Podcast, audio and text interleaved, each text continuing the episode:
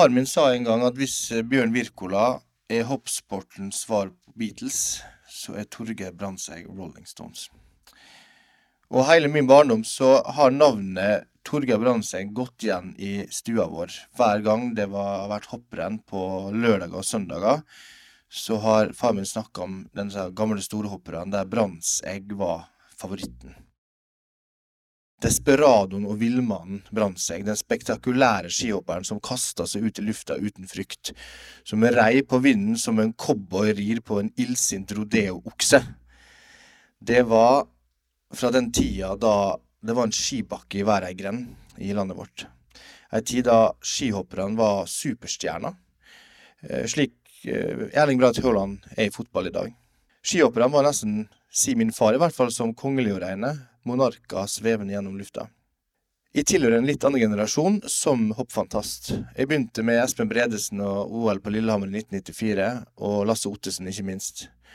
Og har fått skisporten inn i hjertet gjennom min far og gjennom alle denne og hoppuka og vintersesongen. Og det er en av grunnene til at jeg har reist hit til Sparbu i dag, som er et ganske godt stykke fra Molde. Det har vært en lang roadtrip opp hit. Det er for nå sitter jeg nemlig i stua til en av de største legendene vi har i norsk skisport. Og vi er her for å feire denne legenden sin 80-årsdag med et intervju. Så først av alt så må jeg si Torgeir Brandtzæg, gratulerer så mye med 80-årsdagen. Torgeir, du ble kalt for Friskusen fra Ungdalen.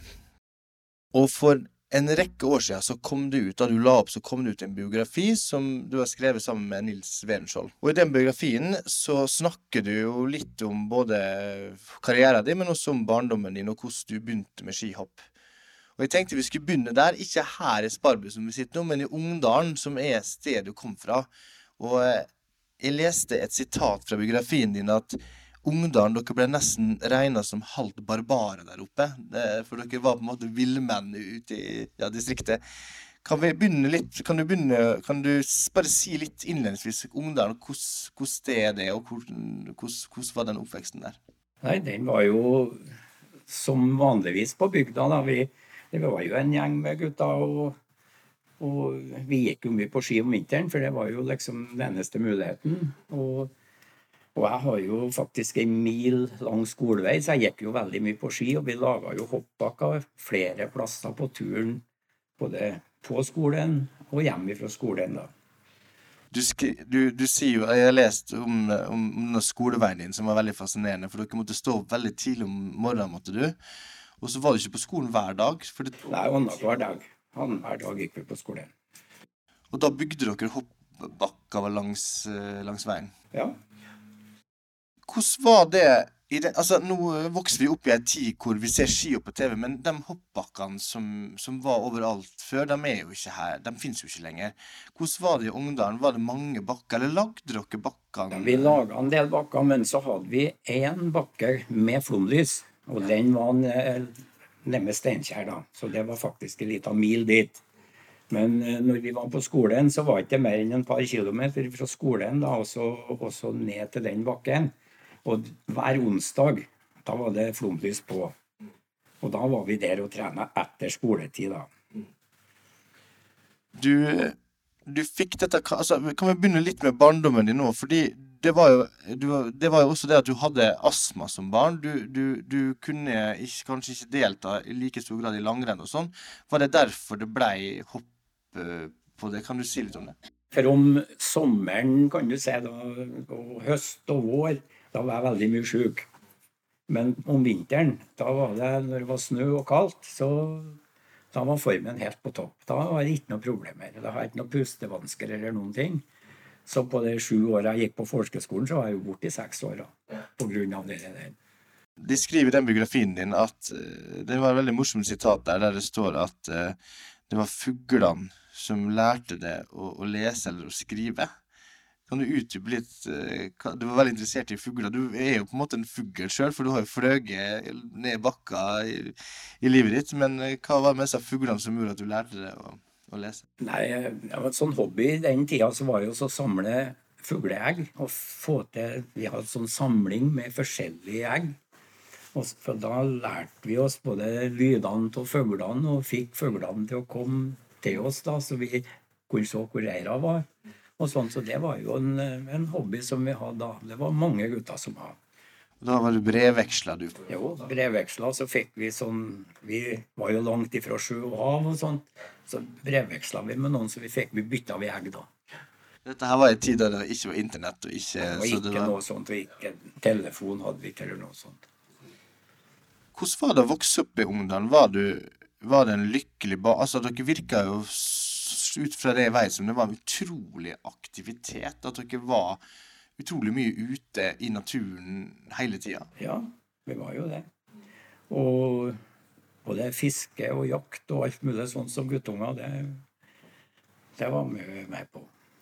Hvordan var den gjengen som hoppa fra du var barna? Var det konkurransehopping, eller Ja, var det det var, det var veldig mye konkurransehopping. Og det var jo sånn i gutteklassene da, fra 10 år og oppover til 15-16 år. Så det var 10 til 12, og så var det 12 til 14, og så var det 15 og 16. Så det, og det var jo i hele distriktet i Nord-Trøndelag. Drev jo og kjørte buss imellom i søndagene, da. Og hvilket årstall er vi sånn cirka da? Du er, Nei, da er vi på sist på 50-tallet, eller midten av 50-tallet. Hvem var det du så opp til? Altså, Du er jo nå en hopplegende sjøl, men hvem var dine hopphelter når du vokste opp i Ungarn? Altså, vi har mange gode skihoppere oppe i Ungdalen som var litt eldre. Og vi hadde en, gutt da, som eh, var året gamlere enn meg. Gunnar Henning het han. Og han var veldig god til å hoppe. Han hoppa i klassen over meg. Og faren hans, han hadde bil. Så han kjørte på en del skirenn, og da kom han kjørende forbi oss så mye at jeg fikk være med, for vi hoppa ganske godt sammen. Og da Han hadde jo kjørt tømmer, så han hadde tømmerbil. Og hvis vi skulle til Trondheim, i Gråkallen f.eks., det var jo mye renn i Gråkallen. Og hvis vi skulle være med der, da, så kjørte vi tidlig på morgenen med skien bakpå lasteplatten, og så satt vi to inn i hytta sammen med han. da, Så kjørte vi lastebil til Trondheim og var med på skirenn og kjørte hjem igjen om kvelden. Det tok eh, Men hvor mye Altså Så jeg har jo ikke egentlig han til å takke for at jeg ble skihopper. Det var en, den bilen der som gjorde at du kom deg ut av Ja, de større ja. bakkene. Ja. Men så i ettertid da, så ble det en del busskjøring.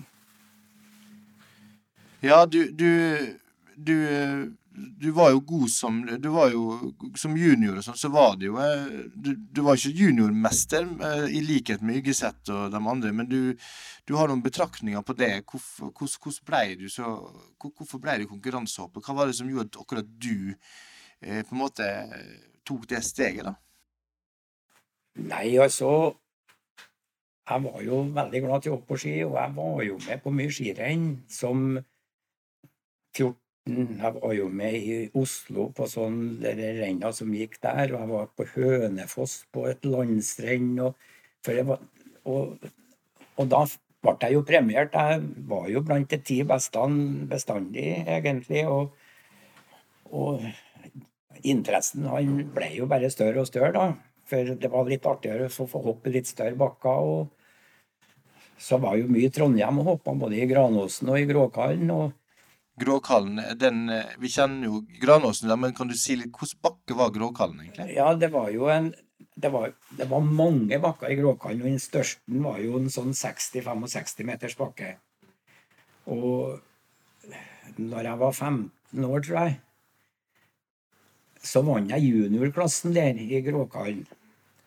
Og da ble det litt mer sånn blest da, om det, for han Jeg ble eh, dagens beste hopper.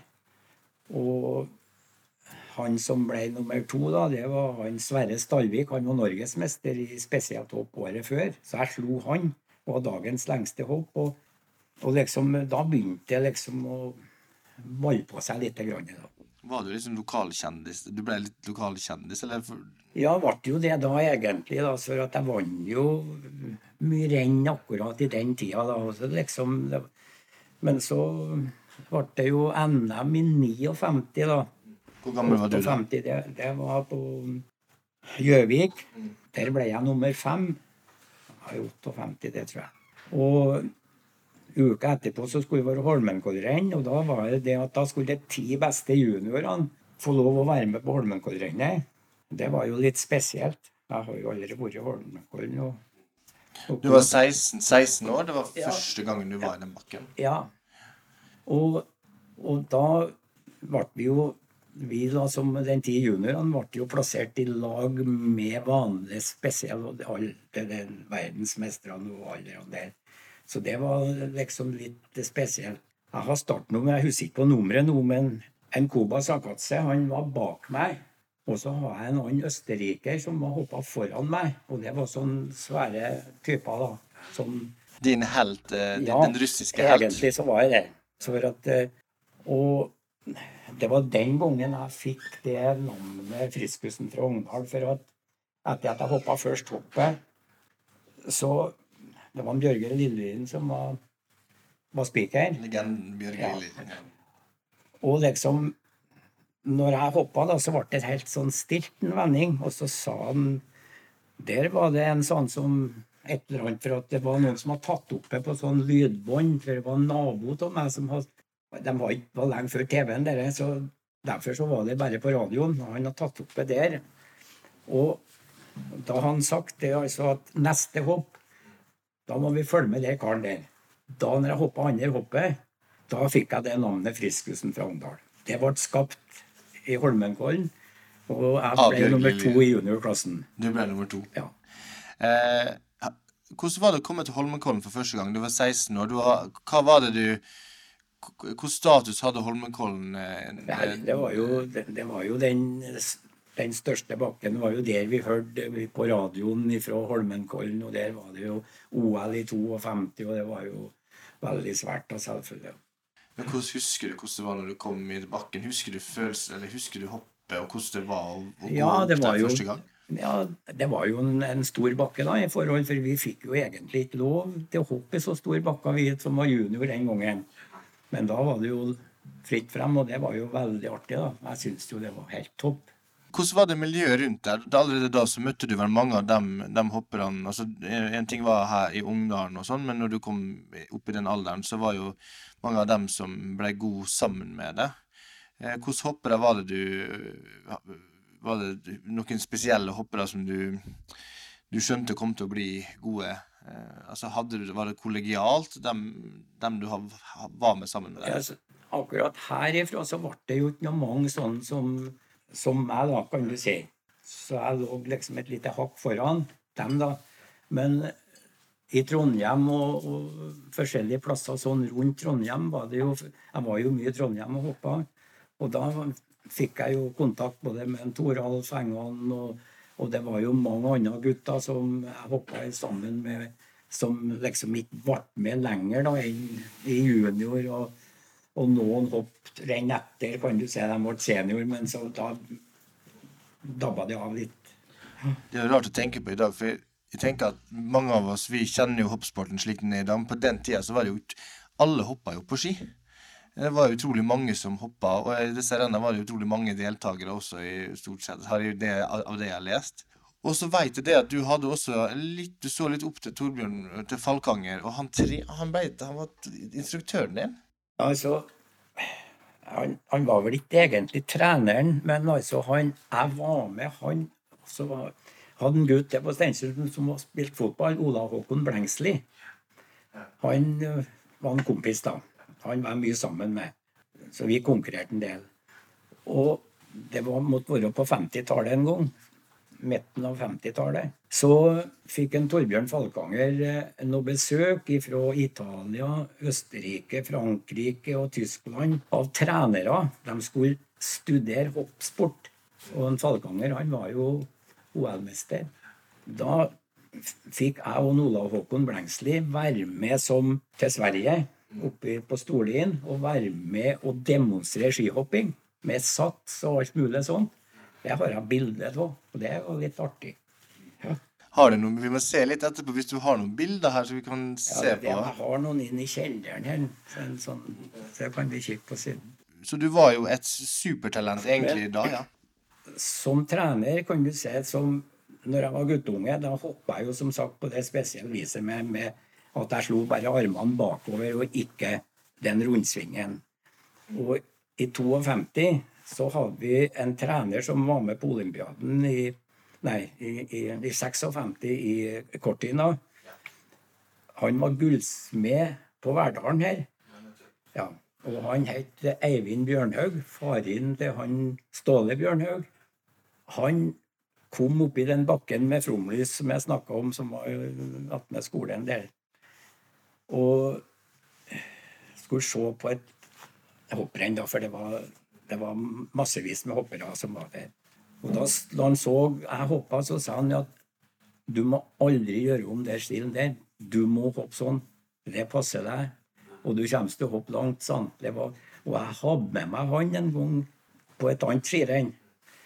Og det var en sånn gammeldags bakke som, som du måtte stå sånn da, for så du ikke tippa. Du måtte stå mer oppreist? Ja, du måtte stå oppreist, ja, for du gikk rett ut, og så ramla du ned sånn. Ja, Det var ikke en sånn jevn, slagbakke som det er i dag? Nei. Og det var et juniorrenn som uh, var på Steinkjer. Norgesmesterskapet var i den bakken i 49. Og det var en sånn gammelbakke. Og da var han der, og da hoppa jeg åtte hopp og kom ned på armene på alle hoppa. Da sa han at dette slutter du med. Du får ikke lov å noe sånt mer. Du snakker jo litt om det at du, du bruker uttrykket dette å hoppe villmann. Eh, men hvordan var det din stil skilte seg? Altså, nå, nå forandrer du jo stil ut gjennom karrieren, men, men, kan du si litt om den tidlige stilen? Den der, spektakulære altså, Det var jo en stil som åpenbart ble lagt merke til, og som skilte seg litt fra de andre, da? Jo, jeg var veldig hard ut, da. For jeg hadde jo muligheten til det, for da bevara du farten. Men så med det skien og det utstyret vi hadde, så hoppa vi bestandig med veldig slakke bindinger. Og da fikk du aldri til et brukant nedslag, for du, fikk liksom ikke skien ned. Nei, for da var det mye sånn flaksing sånn. Og da var det mange ganger at det var så nydelig å ligge sånn at du lå sånn helt til du klappa i hop sånn, altså. Og da var det bestandig langt. Så jeg har jo flere premier, andpremier, kan du si, med fall. Jeg hoppa så mye lenger enn andre. Ja, det, der, det er ikke mange som har. Det var bare Goldberger og det omtrent som har vunnet med, med fall. Men, men, men var, du, var, du, altså, var, du, fryktløs? Altså, eh, var du, var du redd, eller bare, bare, tenkte du at det var bare Altså, det må ha noe med det å gjøre, innstillingene du har? Jeg var aldri redd. Jeg var aldri redd å hoppe, altså, for uh, jeg har liksom kontroll på alt. Jeg, om at avslutninga ble litt dårlig noen ganger, så spilte det egentlig ingen rolle. Men jeg fikk ikke hoppe sånn det skulle hit, for da fikk jeg ikke være med. Det var rett og slett uh, Skiforbundet sa at du måtte forandre stilen din? Ja, ja. Og det gjorde du? Ja, jeg var nødt til det hvis jeg skulle fortsette. Og da ble det veldig tamt å hoppe, syns jeg. Ja. Hvordan var hvordan var Altså, jeg vet jo at du når du Nå må vi ta en liten omvei fra junior- eller ungkarrieren din, for det at du dro ut på sjøen eh, før du kom tilbake og blei den legenden du blei, da. Eh, men hvorfor, du, hvorfor, var det du, du, du la på en måte skia på hylla og bestemte deg for å mønstre på sjøen? Hva var, var grunnen til det? Nei, altså Jeg hadde jo mye kompiser som reiste til sjøs. Og traff jeg jo en kompis en dag på, når jeg var på Steinkjer, og så ble vi enige om det at kanskje vi skal reise til Trondheim og så søke hyre. Så reiste vi til Trondheim, to toget til Trondheim, og så var vi på hyrekontor, og så fikk vi beskjed om at det var bare å pakke kofferten, og så om ei uke så gikk båt over til Amerika. Til, Hvor gammel var du da? Ja, nei, 17 år. Tenkte du noe særlig på det med hoppkarrieren din? Var det noe valg, var det noen tanker i hele tatt rundt det? Om det var å satse på skihopp, eller? Nei, ja, det, var, det, det var eventyrlysten, egentlig. Så ut og se seg om og, og finne på noe, noe, nytt. For jeg regna med det det, det levde jo ikke av det skihoppinga. Det var jo moro bare, og det var jo sånn Så Og det var jo Når at jeg reiste Jeg har jo vært med og egentlig året før, da, altså om høsten Han Voldseth, det var en som daua. Da var jeg og han Voldseth i Trysil, for da skulle vi kvalifisere oss i tilfelle vi skulle bli uttatt eller å være med på olympiaden i 1960. Og jeg tenkte ikke så langt. Vi hoppa jo veldig bra som der, da. Men uh, jeg tenkte aldri på at jeg kom til å bli med på noen sånn uh, tur til Amerika eller noe, bli med på noen olympiade. Så derfor så når jeg kom hjem da, etter det der, og så var det skrevet da i et sånt, i avis Når jeg reiste over til Atlanteren, så står det 'Brandtzæg hopper over Atlanteren'. Og dere fikk jeg sendt etter meg etter jeg hadde kommet til Amerika. De der avisa der. Og dere fikk jo guttene kikke på, for dæven så sier han faen Når du hoppa på ski? Ja, så sa jeg holdt på litt over rota med det. Men eh, det ble ikke noe mer snakk om det der. Men så var jeg jo Det kom opp i offisersmessa, det der. Og da begynte de å spekulere, da, vet du. Om jeg hoppa på ski. Ja, så sa jeg det at jeg skulle jo egentlig være med på uttakinga til olympiaden, men jeg reiste til sjøs, da. Men da vi til, gikk vi på Amerika østen. Vi gikk jo hele østen, og både på østkysten og vestkysten av Amerika. Og så gikk jeg nå da til vinteren. Så visste de det at da kom vi opp til San Francisco, eller til San Pedro utenfor Los Angeles, ei uke før olympiaden begynte oppe i Skow Valley. Og da var det innsamling på båten, da, vet du, og så fikk jeg fri, da. Og så ble det så at jeg kjørte bil da fra, ifra San Pedro da, og så opp til Skå sammen med en svensk sjømannsprest som skulle oppover. Og Da var det ordna med velferden oppi i sjømannskirka oppi der, og det ordna med campingvogn. Så jeg ble innlosjert i campingvogn og fikk bo der. Og har bl.a. besøkt Don Hjallis i campingvogna. Og... Så du og Hjallis satt i campingvogn i Småvel i 1960? Ja. ja. Fantastisk. Men altså, det, tenkte du over da altså, du må jo, Det var jo et rart påfunn. Og du var jo der, du for jo rundt på olympiaden som tilskuer, du da? Ja, jeg, for å komme inn alle plassene da, så fikk jeg et fotoapparat. Også et sånn bind rundt armen. Så jeg gikk overalt sammen med alle journalister og alt der. Og jeg traff jo igjen alle guttene jeg hoppa i lag med. De var jo der. Og de ble jo både kombinertløperne, Tormod Knutsen og Arne Barhaugen og hele den gjengen der. og hva de tenkte når de så det der borte som Ja, de sa hva faen gjør du her? Og han hopptreneren han ble vel ikke så, var ikke så begeistra for at du kom over som Nei, tilskuer? Han, han Schjelderup han ble eh, styggelig sur. Han sa at nå hiver du deg hjem med en gang. Så det er bare tull. Så da måtte jeg jo prøve, og så kom jeg hjem, da. Men eh, det var ikke så enkelt. Jeg har 18 måneders kontrakt, og så jeg måtte eh, Jeg fikk fri til å reise hjem, men jeg måtte ordne meg hjemtur sjøl. Da. da måtte jeg få meg en ny båt da, som gikk på Amerika og, og Europa. Da. Så jeg kom nå hjem om høsten, da, akkurat til skisesongen starta. Du, du, og da begynte på en måte det som eh, mange tenker på, de, de åra som gjorde det til eh, en av de store hopplegendene. Eh, du, du hoppa jo skiflyging også, og eh, du skriver i denne biografien din også om eh, at du, du hoppa både i Vikersund i Planica. Jeg vet ikke tid du ble tatt ut til Sakopane i 62. Eh, og da var du jo verdensvant, du hadde vært på sjø, men, men hvordan, var det å komme til Sakopane og sånn, eh, disse turene ut Nå begynte jo på en måte den internasjonale hoppkarrieren din, da. Hvordan var det å komme til Sakopane og hoppe der? Altså, eh, det var jo for så vidt greit. Men eh, når vi kom til Sakopane, så var det jo sånn forferdelig til snøfall. Så vi fikk trena veldig lite. Det kom jo omtrent en halvmeter snø hver natt.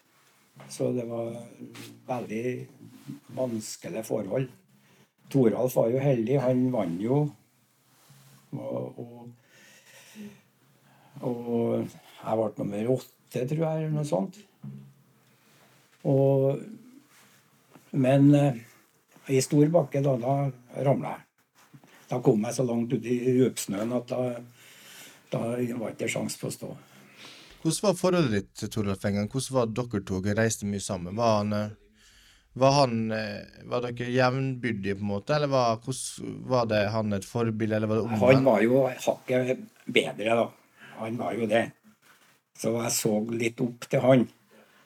Men eh, han tok aldri noen sjanser. Hvis det var litt dårlig forhold, så ville han ikke hoppe.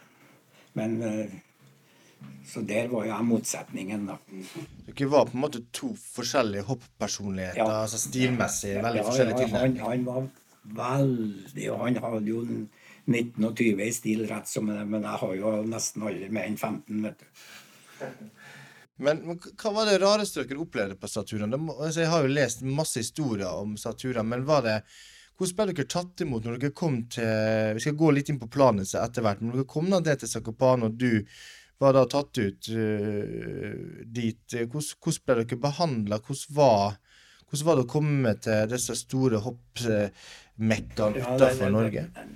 Det, var ikke noe problem. Vi ble veldig godt mottatt. Det var aldri noe som helst eh, vanskelig således. I hele tatt ikke. I Russland var jeg ikke, for dit ville jeg ikke reise. Jeg har tilbud flere ganger, men der var du liksom påpassa hele tida. Sånn så at du var under oppsyn. Og det syns jo ikke var noe trivelig. Så. Men det var jo aldri noe problem i Mellom-Europa, altså. Hadde du et, favor har du et favorittsted? Et sånt sted du gleder deg ekstra til å komme og hoppe? Ut, utenfor Norge? Ja, altså Innsbruck var jo veldig god bakke. Jeg har jo en par bra plasseringer der, da. Og ellers så var det jo mange bakker som var veldig ålreite å hoppe i, altså, så det var jo ikke noe problem. Oberstdorf og du i, i, Både i Lahti og i Falun var jo veldig greie bakker, og hoppa jo mye der. og og ellers i Sverige, vi var jo i Kopio, og vi var jo i forskjellige plasser da, i Finland. Og jeg var jo oppe i Kusamo, da. Jeg tenker jo litt på dette med vind, for i dag så er det jo så utrolig ømfintlig for hoppere å hoppe i vind. Mens dere hoppa vel Det var vel nesten en egen kunst å hoppe, å hoppe i Finland i forhold til å hoppe i For det, vind, vind, det var mer vind i enkelte land enn Ja, vi, vi må trøste oss med sjøl at det der flaggene som sto på toppen der, det er jo papplater. For det er jo ikke flagg, for de sto jo, sto jo sånn. Det var jo akkurat som man de mala bare på. Ja. Så det var mange som var veldig skeptiske på det, altså. 1963 så dro du og Halvor Næs var til Planica. Ja. Og der Først og fremst så har jeg vært i Planica. Jeg syns jo det var en stor opplevelse å komme dit. Og det er jo altså en ting i Vikersund, som er en fantastisk bakke, men å stå under Planica her, da blir man nesten bare redd som tilskuer. Men det var jo den gamle bakken. Bakkerekorden var 100 og 27-28 meter eller noe sånt i Planica den gangen. Det var den gamle. Og den var jo veldig skummel. Du holdt på å gå galt for det der? Da. da. Nei, altså Jeg var jo veldig sånn hard ut. Og der var det jo en veldig lang kul. Og, og du vet, du kan du tenker på spor. Jeg var med og kjørte på spor, jeg. Det var jo Jeg har aldri hoppa i en så stor bakke. Så Sigmund Ruud var jo en av dem som var med i arrangementskomiteen fra Norge. Så spurte jeg han om jeg kunne få være med og kjøre på spor. For det jo Det var jo tråkka vet du, bare sånn oppover stillasjen, og det var jo 15 varmegrader. Og så var jeg påhaft litt sånn tørris, så det var bare isen, og det var ikke spor i hele tatt. Og det var jo en jævla fart da, ble. For vi tok jo toppfart omtrent. Og jeg gikk jo hardt ut, da. Og det var jo ikke noe luft da, vet du, i hele tatt, så det holdt jeg på å tippe. da. Men det gikk bra, så det jeg redda meg. Så det Du har hatt et par eh, altså, Og verre skal det bli, holdt jeg på å si. Altså, du, du, du, du, du var ikke en som trakk i svevet, men selv ikke der følte du på frykt. eh, Nei. Eh, og så sier du Du jeg vet også du har sagt at dette Altså, hva er det å hoppe på ski? Altså, du kaller det for nesten en religiøs opplevelse. Har i hvert fall et sitat på det på. Føles det litt sånn Nå, jeg har høydeskrekk, og en av grunnene til at jeg elsker skihopp, er jo fordi at jeg elsker å se på det jeg ikke tør å gjøre sjøl. Jeg har kun hoppa 25 meter i en bakke. Men, men dette hvordan Det er kanskje litt vanskelig spørsmål, men hvordan er den, den, den følelsen når du får til det perfekte skihoppet? Hva, er, det, er det religiøst? Er det guddommelig? Nei da, det er ikke noe religiøst, nei, men da er det herlig. Da er, det, er du glad. Da, da, da koser du deg. Ja, du syns det er helt topp. Men du sier aldri nei. nei. Eh, vi snakka litt om Vi kan gå litt tilbake til Sakopane, for nå var vi innom Planisa. Altså, du, du hoppa der. Eh, men Sakopane har du også sagt det var som å møte ditt barndommens Ungdalen. Hva, hva legger du i det? Det var jo med snøen og terrenget rundt da, kan du si. Det var jo Det var jo, var jo sånn fjellside og litt sånt. Det er jo ikke så mye til det oppe i Ungdalen, men det var mye kupert terreng. Ja. Så nå er du kommet tilbake fra sjøen. Du, har, du er på en måte på vei opp og fram i, i det norske hopplandslaget, og, og, og du, du, begynner å få store resultater. Vi må jo selvfølgelig snakke om OL, fordi OL var jo for det en, var i 64, eh, der du eh, hadde en slags nemesis, en finsk nemesis, som eh, heter Kankonen. Ja. Eh, kan, du, kan, du, si litt om han, og kan du si litt om det rivaleriet, og, og, og, så kan vi komme inn mot dette med OL etter hvert? Hvordan var han som eh, hopper? Jo, han, han snakka jo bare finsk, så det var jo vanskelig å få til noen, noen prat med han, men, men uh, han var litt sånn innbitt, kan du si. Og, og, og liksom litt sånn for seg sjøl. Du fikk liksom ikke så mye kontakt med han. Men eh, det han gjorde når jeg hoppa, så var han veldig sånn solid hopper. altså Han var gjennomtrena, og han var veldig, veldig god til å hoppe på ski. Og så han var nok den hardeste konkurrenten. Han var faktisk hardere, han enn uh, Toralf. For han var kan si Han var mer sånn ømfintlig, da, kan du si. Så han tålte liksom ikke noe mye sånn variasjon i, i forholdene eller sånt. Men da var han Kankonen en, en helt annen. Så han var mer litt sånn uh, lik meg sånn, og litt sånn glafsinn hvis det var litt dårlig, og sånt, så slo han til for fullt. Hvordan var det med det? Var du i forhold til forhold, i forhold til det, stilen din og Nei, altså da har jeg jo måttet moderert meg litt, så jeg måtte jo hoppe som noenlunde som folk, da. Og da hadde jeg, var jeg ikke så brutal ut, da, så jeg måtte beholde litt grann av den krummen, da. Og det Vi oppdaga jo det, altså Med den knekkstilen sånn, så fikk du mye mindre oppdrift enn når at du har krum som en flyving. Og denne testa vi med hånda ut gjennom vinduet på bilen. Da la du den der, og da kjente du plutselig, hvis du fikk den rette krummen, så letta hånda sånn, men hvis du ble sånn, så ble det trykt ned. Så, så, det lærte vi oss, altså. Vi har ikke noen sånn, noen sånn uh, tunnel som vi hang i, altså, men vi prøvde, og, det, og da prøvde du å innrette deg med stilen omsider sånn, og da hoppa du jo enda lenger. Det er noen som sier at du hopper liksom fly, har sånn flyhalestil. Fly, flyvingestil. Og, og, det til og med jeg har fått Jeg har en liten overraskelse til det etter hvert, fordi min far han er jo da poet, og han har skrevet et dikt som heter 'Tvinn Otter', som er til hyllest til det på 80-årsdagen. Det skal vi ta etterpå. Der kommer vi litt inn på skiteknikk. Eh, men før vi gjør det, så kan vi jo fortsette litt på dette med, med Kankonen og, og OL i Innsbruck. For du, du, du, var jo en av storfavorittene til, til, OL, og der gikk det jo veldig bra. Eh, jeg var vel den minst favoritten av den treene, da. Ja, ja. Eh, men fortell om, om, om, det å være med på OL, som, ikke som turist, men som, som deltaker, og hvordan det var å komme inn, inn der. Eh, i OL. Det var jo det var jo veldig inspirerende, og det var jo veldig artig å få være med på noe sånt, for det har jo aldri i min ringeste anelse regna med. Så Nei, altså hele opplegget når det gjaldt, det var jo fantastisk. Og vi har jo vi har jo mye folk rundt oss den gangen da, som vi aldri har hatt før. da. Ja. Og, men eh, det gikk jo bra. Så Fortell litt om, om rennene. Hva... Ja, altså Første rennet, da, så har jeg jo ett hopp som var litt dårlig, da. Og det, så de to andre, for den gangen var jo tre hopp, og det er to bestene som telte, og da, da, gikk det jo bra. Så jeg ble jo nummer tre da på den. Og, og det var jo likeens eh, i Storbakken i Innsbruck, så, så leda jeg jo en periode. Og, men da Kankonen hoppa, så var det jo en som dømte fall på han.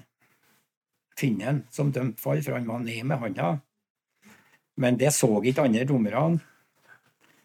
Og jeg ble utropt uh, som vinner. Men så havna jeg jo på tredjeplass, da. Men eh, det spilte ingen rolle. Var, en medalje var jo en medalje, så Hvordan var det å komme hjem da? Nå hadde du på en måte Merka du forskjellen i dere Altså statusen din? Hvordan var det? Eh, vi snakker jo i dag om Vi ser jo de storheltene vi har med Klæbo i dag, og med Northug og alle dem. Hvordan var den oppmerksomheten når du kom hjem? Hvordan var det å være eh, Brandtzæg når hun ja, kom hjem fra vet, OL? De kjente jo meg da selvfølgelig stort sett alle sammen. Og det var jo begge deler, da. Og Men eh, det Det var jo Det begynte jo med sånne autografbrev, da, selvfølgelig, og så telefoner. For det var jo en del som hadde telefoner i den tiden da når det kom så langt som på 60-tallet. Og da ringte det jo både dag og natt, da. Og det var jo ikke noe akkurat å skryte av, da. Da var du hoppe på heltid. Da, du konkurrerte Nei, nei, jeg, altså, jeg var jo med, da, for at jeg var jo på landslaget. Og hvis det skulle være noe deltakelse på landslaget en eller annen plass, enten i Sveits eller Finland eller Tyskland eller noe sånt, så ble du jo som oftest medsendt dit, da. Så da for du jo mye sånn. Men eh, så i den tida så har jeg jo jobb, jeg var jo bilselger. Men eh, det ble jo lite jobb, da. Det var jo mest av farting fram og tilbake. Så Det var jo en morsom historie. Det er at Du var i USA på et tidspunkt og satt i en Cadillac til 24 millioner kroner på den gangen da. ja. Du, var det du og Toralf Engan og du som dro dit? Nei, ja, vi, vi dro dit, ja. Vi fikk tilbud om å være med til Chicago. Var det hopprelatert? Det var, var for hopping, ja.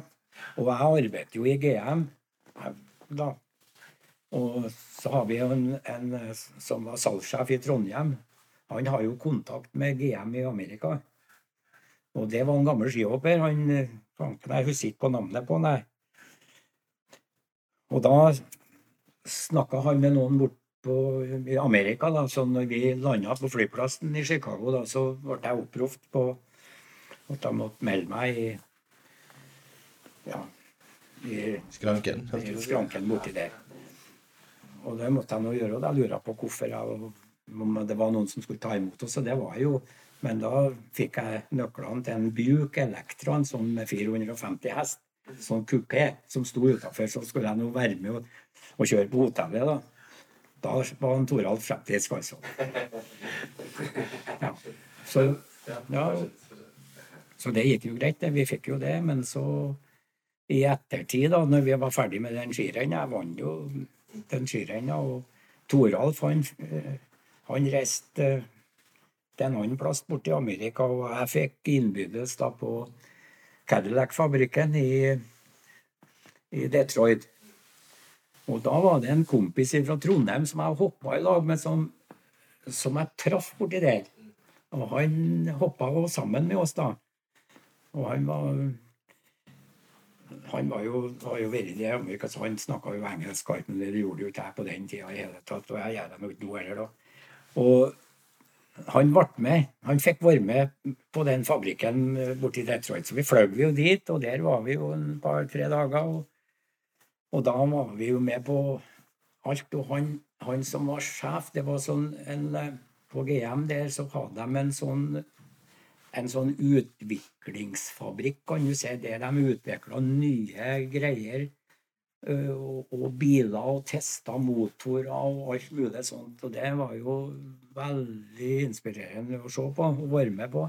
Og han var egentlig en utflytta Sparbygg, en fra sparbya her.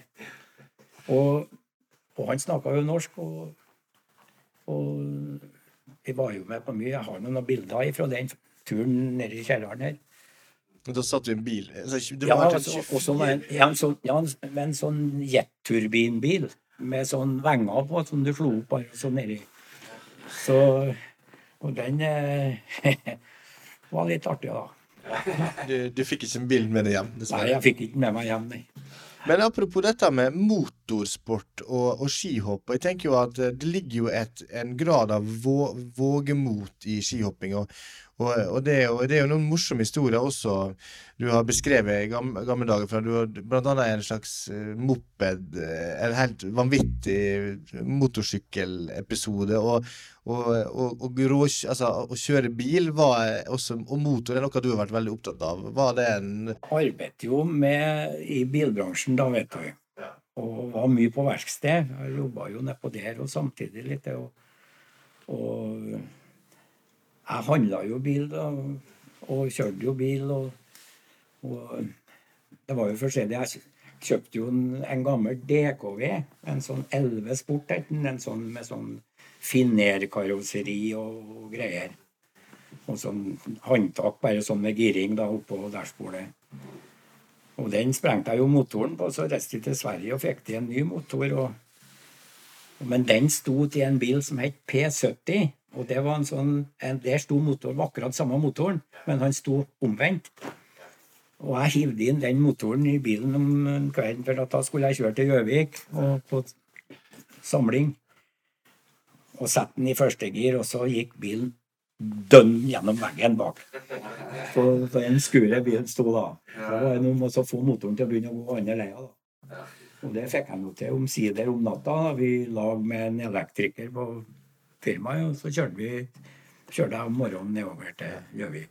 Det, var ikke det en episode der du kjørte uten frontrute i snøføyka? Eh, satt og leste at, at frontruta forsvant, og du måtte kjøre Nei, det er en vandrehistorie.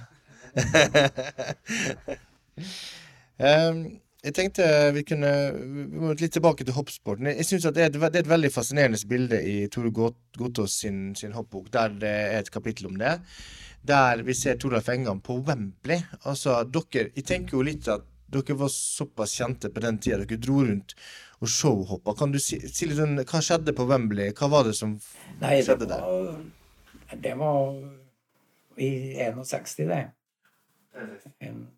62, ja.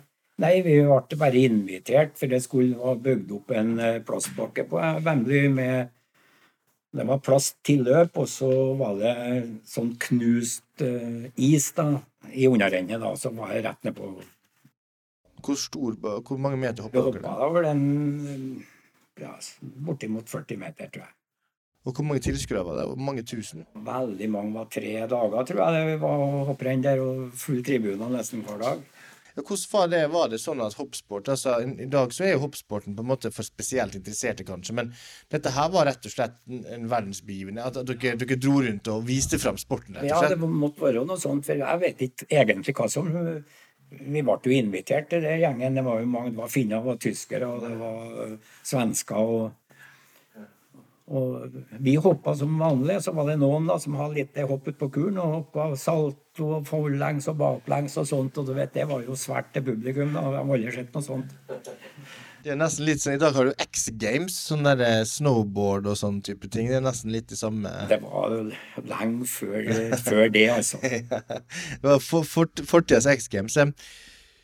Så kommer vi jo til Vi kommer jo til en av dine store største triumfer som skihopper, og det er hoppuka 1964-1965.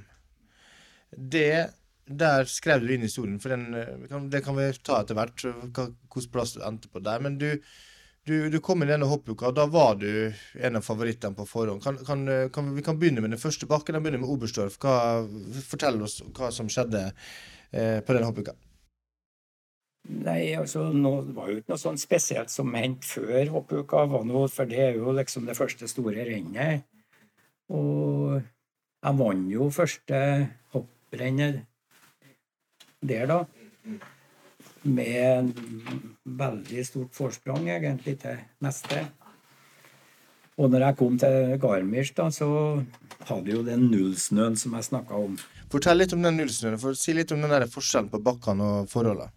Og det den var helt død. Det fantes ikke liv i den snøen. Han var så fin. Det var nesten som sånn vanlig sånn fin fokksnø, kan du se, som kom dalene, og dere la seg på overalt. Og det søg som bare det. Og den gangen så har vi ikke noe annet enn snøspor. Og denne ble jo med ned i sporet, og denne la seg inni eh, rillene på skien, da. Det sporet. Og jeg hadde jo da ny ski med sånn smale Vi fikk jo ny ski den sesongen, så jeg var så vidt hoppa på dem.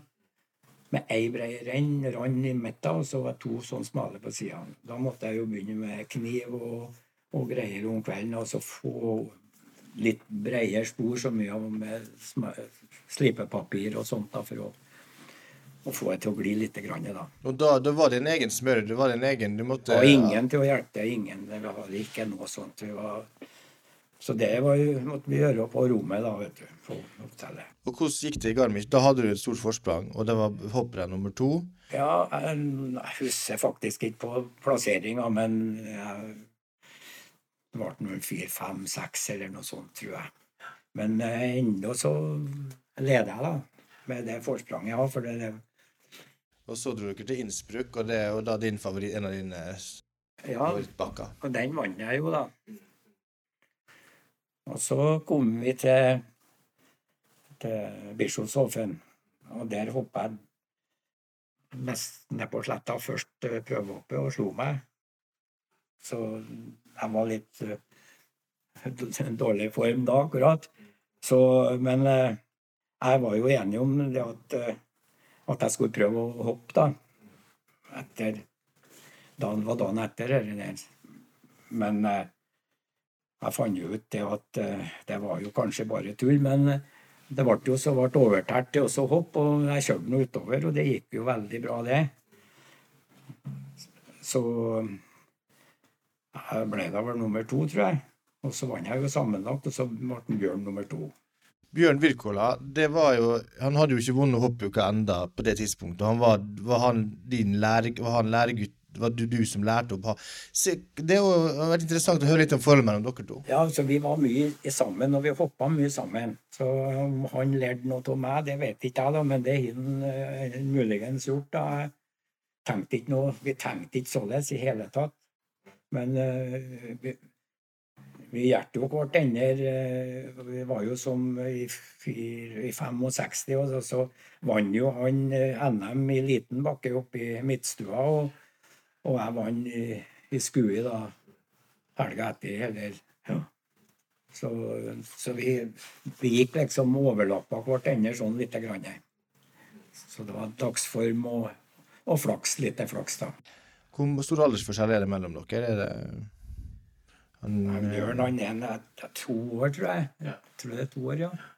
Men du var ikke gamle karen heller da? Du var, var, var du 23 år i 65? Men hvor gammel var du? Jeg må nesten spørre. 25? Jeg var 24? 25. Eh, og du, du har vunnet hoppuka, og du, du, er på toppen av hoppverden på mange måter. Og så, etter hvert så skjer jo det som på en måte setter en tidlig slutt på karrieren din. Ja, altså i, i 64, altså eh, i Holmenkollen i 64, da vi kom ifra OL så hoppa jeg jo dønn på sletta der under prøvehopp på, på 97 meter. Og det var jo 13,5 meter over bakkerekorden. Og da, da gikk uh, hen. Så den sprakk, kan du si, således at uh, kjøttet løsna litt på beinet. Så da kom det sånn vevsvæske og greier, så jeg måtte sitte da i 14 dager med foten på en stol, og så med isbiter. Og så ringte de fra Finland fra Kusamo at da skulle det åpnes en ny bakke i Kusamo. Den var Finlands største skibakke, og da ville de at jeg skulle komme og For Kankonen skulle jo dit, han var jo olympisk mester. Og jeg og Nei, det var i, fire, det var i 64, det. Ja. Og han har jo vunnet hoppuka, da, og han vant jo OL i i, i 64. Og Toralf han hadde jeg jo slått en par ganger etterpå, da. Og så syntes jeg det var litt for jævlig å ikke reise til Finland, da, så da ble jeg fløyet til, til Rovaniemi, og så kom de og henta meg der en, en kar, da. Og da har jeg ordna meg med I den tida så begynte de å ha sånne klosser på skien.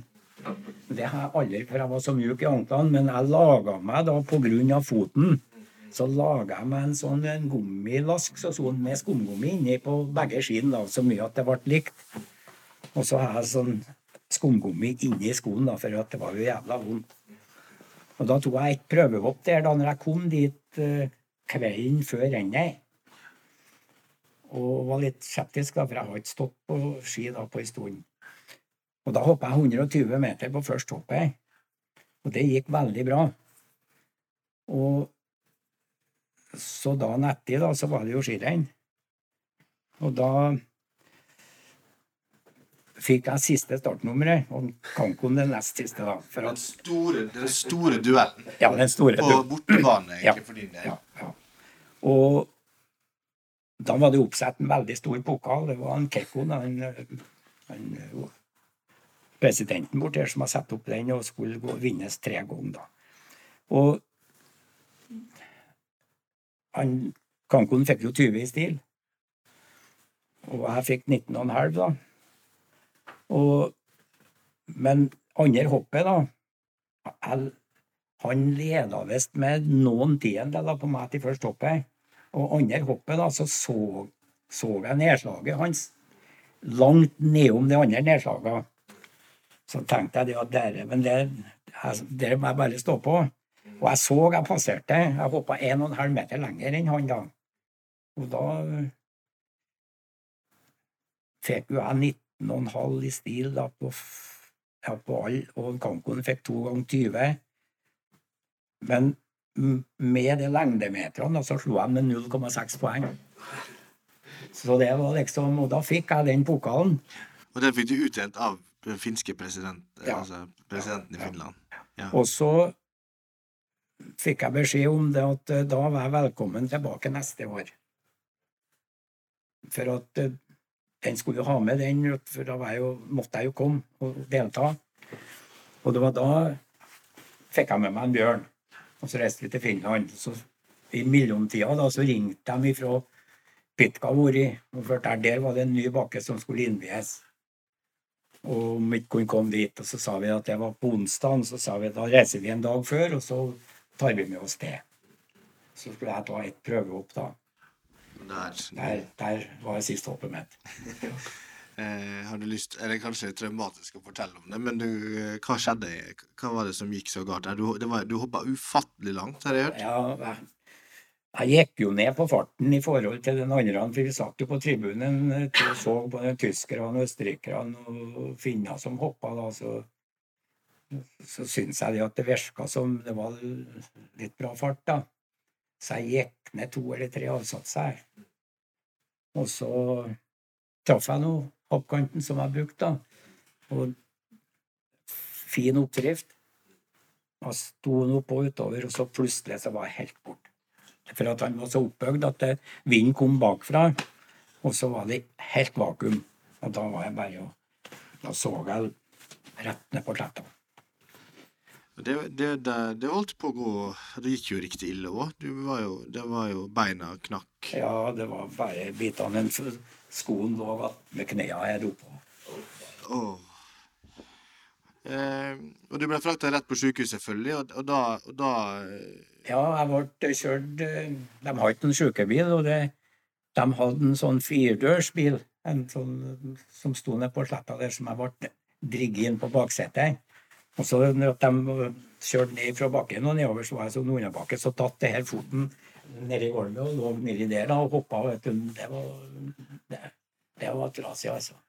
Men jeg kom jo på sykehus der, da, men eh, da ble jeg jo tatt røntgen og lagt på plass, og da ble det jo sånn, ei sånn stor sånn form som de la beinet til, da, så ble jeg bare kjørt direkte på til, til sykehuset i Tammerfors, da.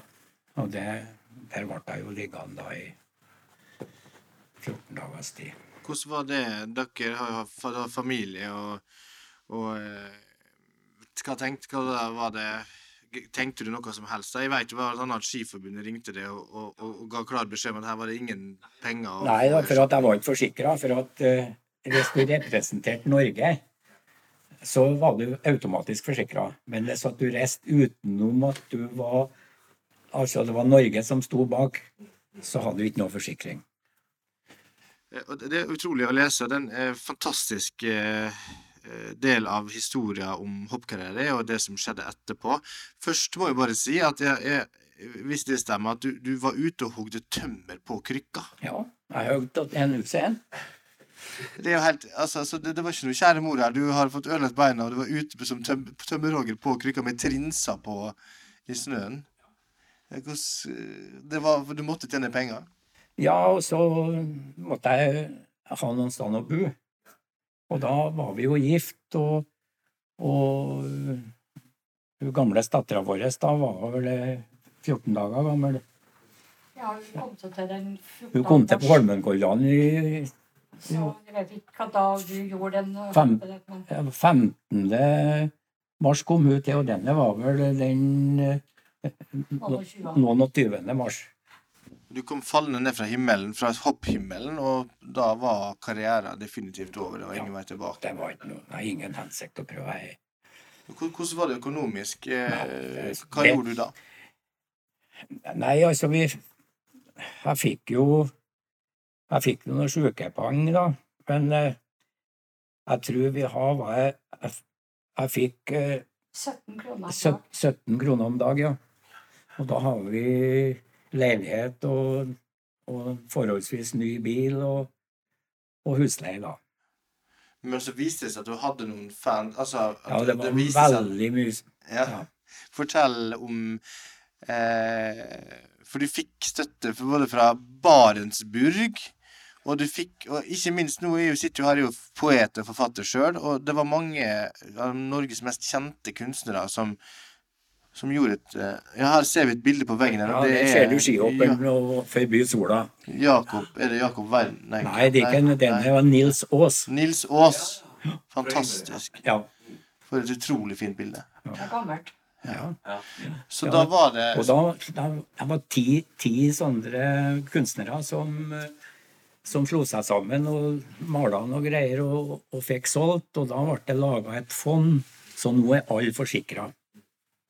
Så det var helt fantastisk. Hvordan var det for dere, og at så mange kunstnere Var du interessert i kunst da? Eller må ha vært veldig spesielt rørende, nesten? Nei, mange... men altså, vi, altså både han Nils Aas og Werner Skjold, de de kjente vi jo. Vi var jo sammen med dem noen ganger. så De ringte jo i ny og ne. Og det var sånne karer som ringte om natta. da, vet du. Var et glass vin, så ringte de det for ja, å snakke med deg. Altså, og da var det veldig artig å snakke, da. Det er jo et sitat på baksida av uh, denne biografien din som du ga ut, uh, der uh, Jakob Weirmann skriver Et virkelig skihopp, et gjennomført svev, har alt i seg som kreves i livet. Dristighet, selvbeherskelse og oversikt og tro. Hensynsløst å gi alt helt og fullt i hver fibernerve. Torgeir Brandtzæg har for meg personlig alt dette. Mer enn noen annen har han denne storartede forakten for all normal skihopping. Jeg er glad for at jeg er trønder, skriver Jakob Weidemann om. um, så da Og, og hvordan Husk på, dette er jo lenge siden. Du var jo par og 20 år, hvilken plass har skihopping i livet ditt i dag? Altså, det må jo være, altså, Hvilken plass har det? Det er et litt vanskelig spørsmål, kanskje, men Jeg, jeg syns det er artig å se på skihopping, men det, det, liksom, det er jo det er jo flyging nå, det har jo ikke noe med det som vi kan du si forbandt med skihopping. For eh, nå gjør de jo ingenting sjøl. Nå er det utstyret, og, og nå tar de alt. De gjør ingenting. De kler nesten ikke på seg sjøl. Så, så det, jeg vet ikke riktig. Kan ikke, du kan jo kalle det som noe sånn glidefly som fer. Ja. Så er det jo også spesielt at uh, skihopp gikk fra å være det meste altså Alle hoppa på ski. Det var flere hoppski i Norge enn det var langrennsski på 60-tallet en gang der. Uh, og, og, og, og, det var en hoppbakke i hver grend, mens i dag er hopping blitt en spesialsport. Det er en, spes, det er en spesialsport, ja. Det er like, for at det, det Nå bygger de jo noen bakker, vet du, ifra sånn små så sånn med plast og greier. Det er klart det er noen som eh, er med der, men det er ikke det mengden som eh, For hvis vi var på et gutteskirenn da når jeg var guttungen, så, så kunne det være 200 stykker på et sånt gutterenn.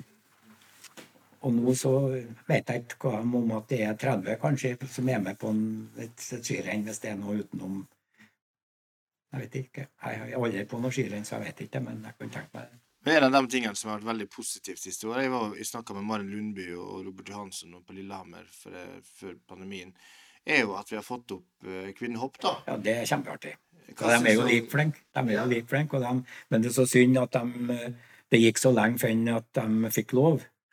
Han Torbjørn Yggeseth var jo sånn motstander til det. det var jo, Men det ble mye enklere når han kom bort.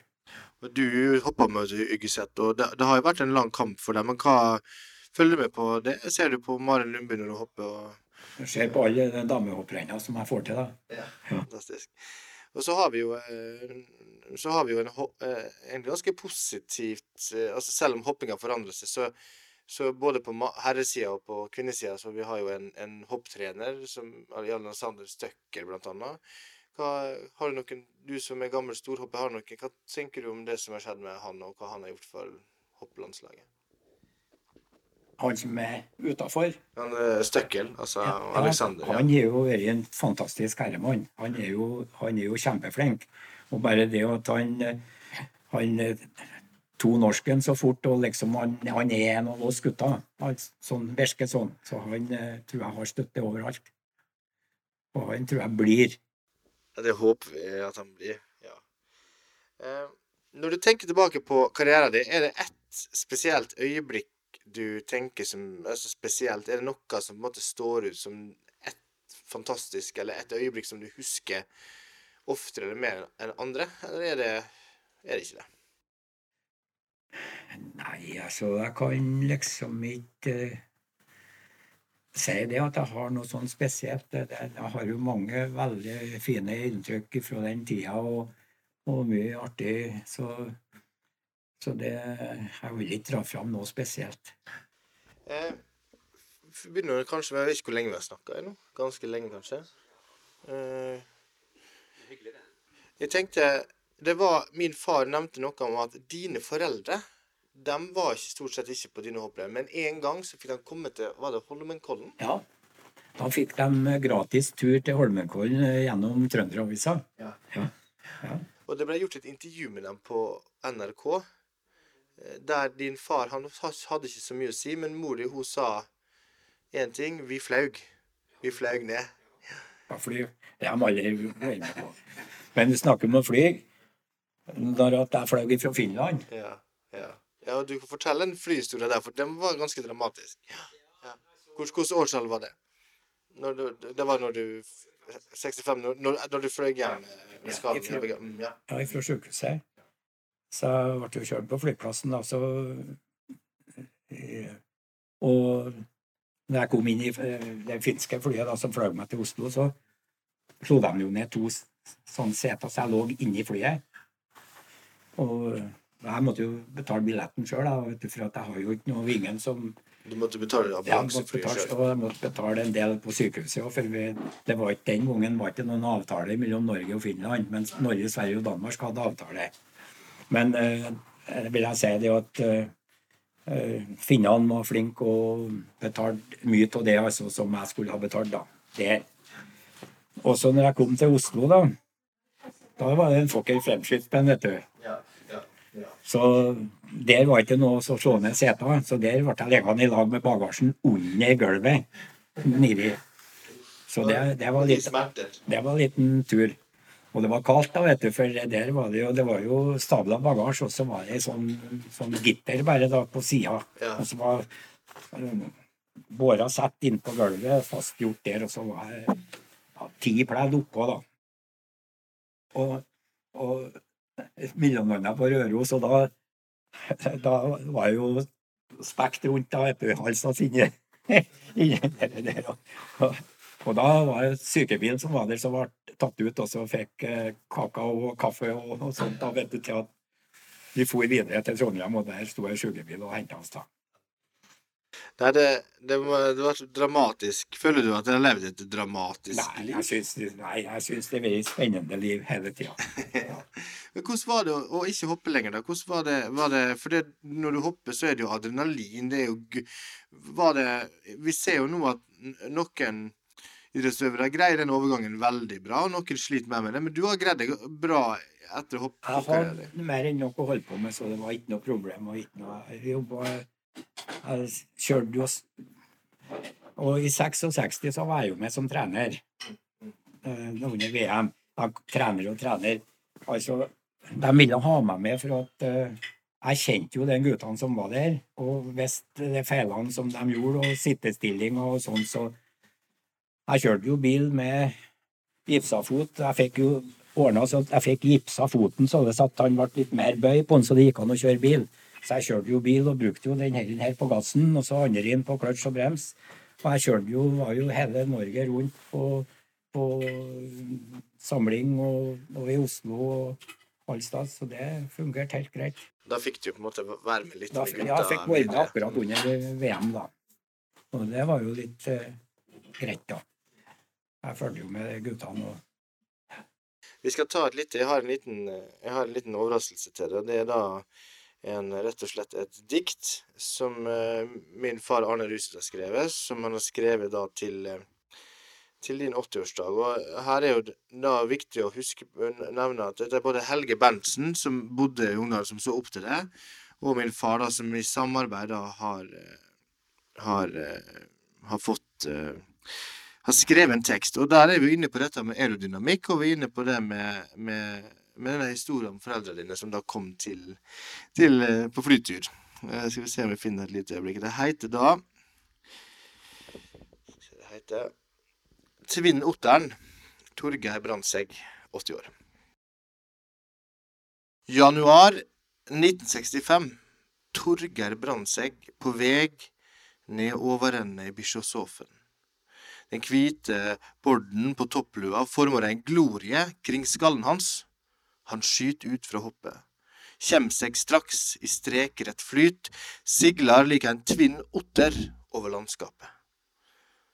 For å nå ut over de ytste grensene må en være i forkant av tida.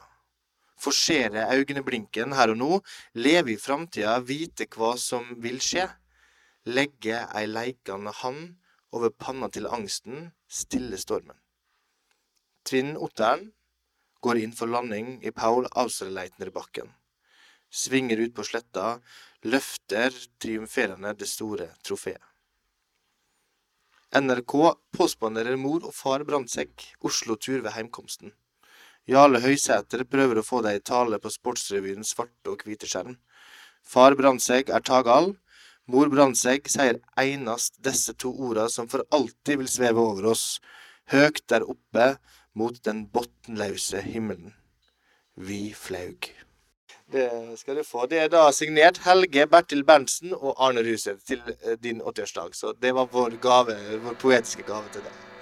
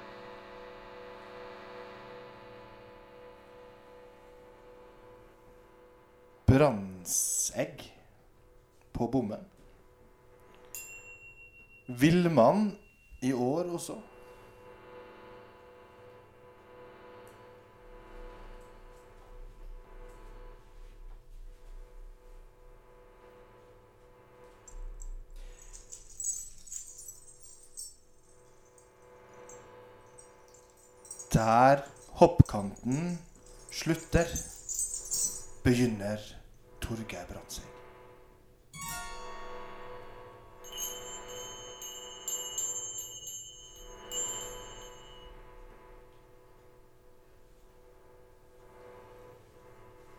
En eh, motorsykkel på vinger gjennom lufta med Torgeir.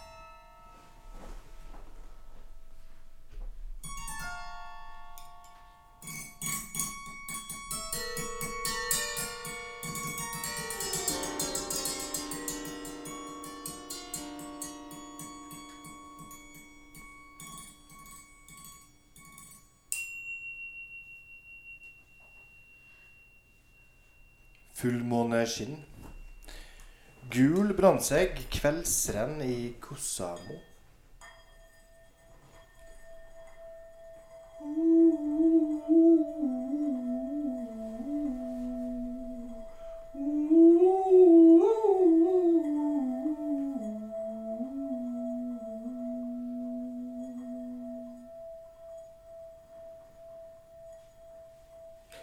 Stupende ut av skyggen til Veiko Kankonen Brandsekk.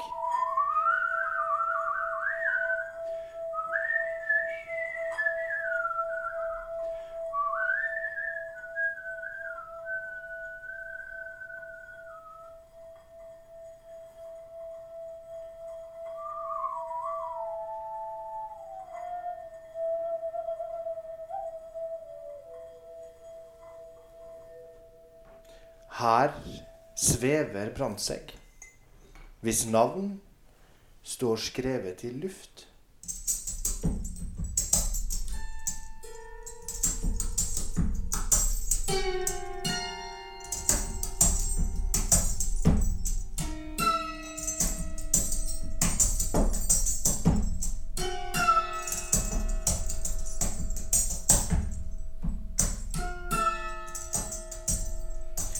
Kirkeklokka i Vikersund ringer for Torgeir Brandtzæg.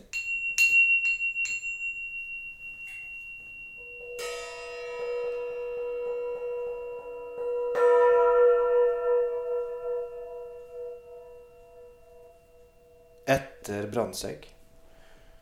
Omriss av en stormende himmel. Rester av ville svev.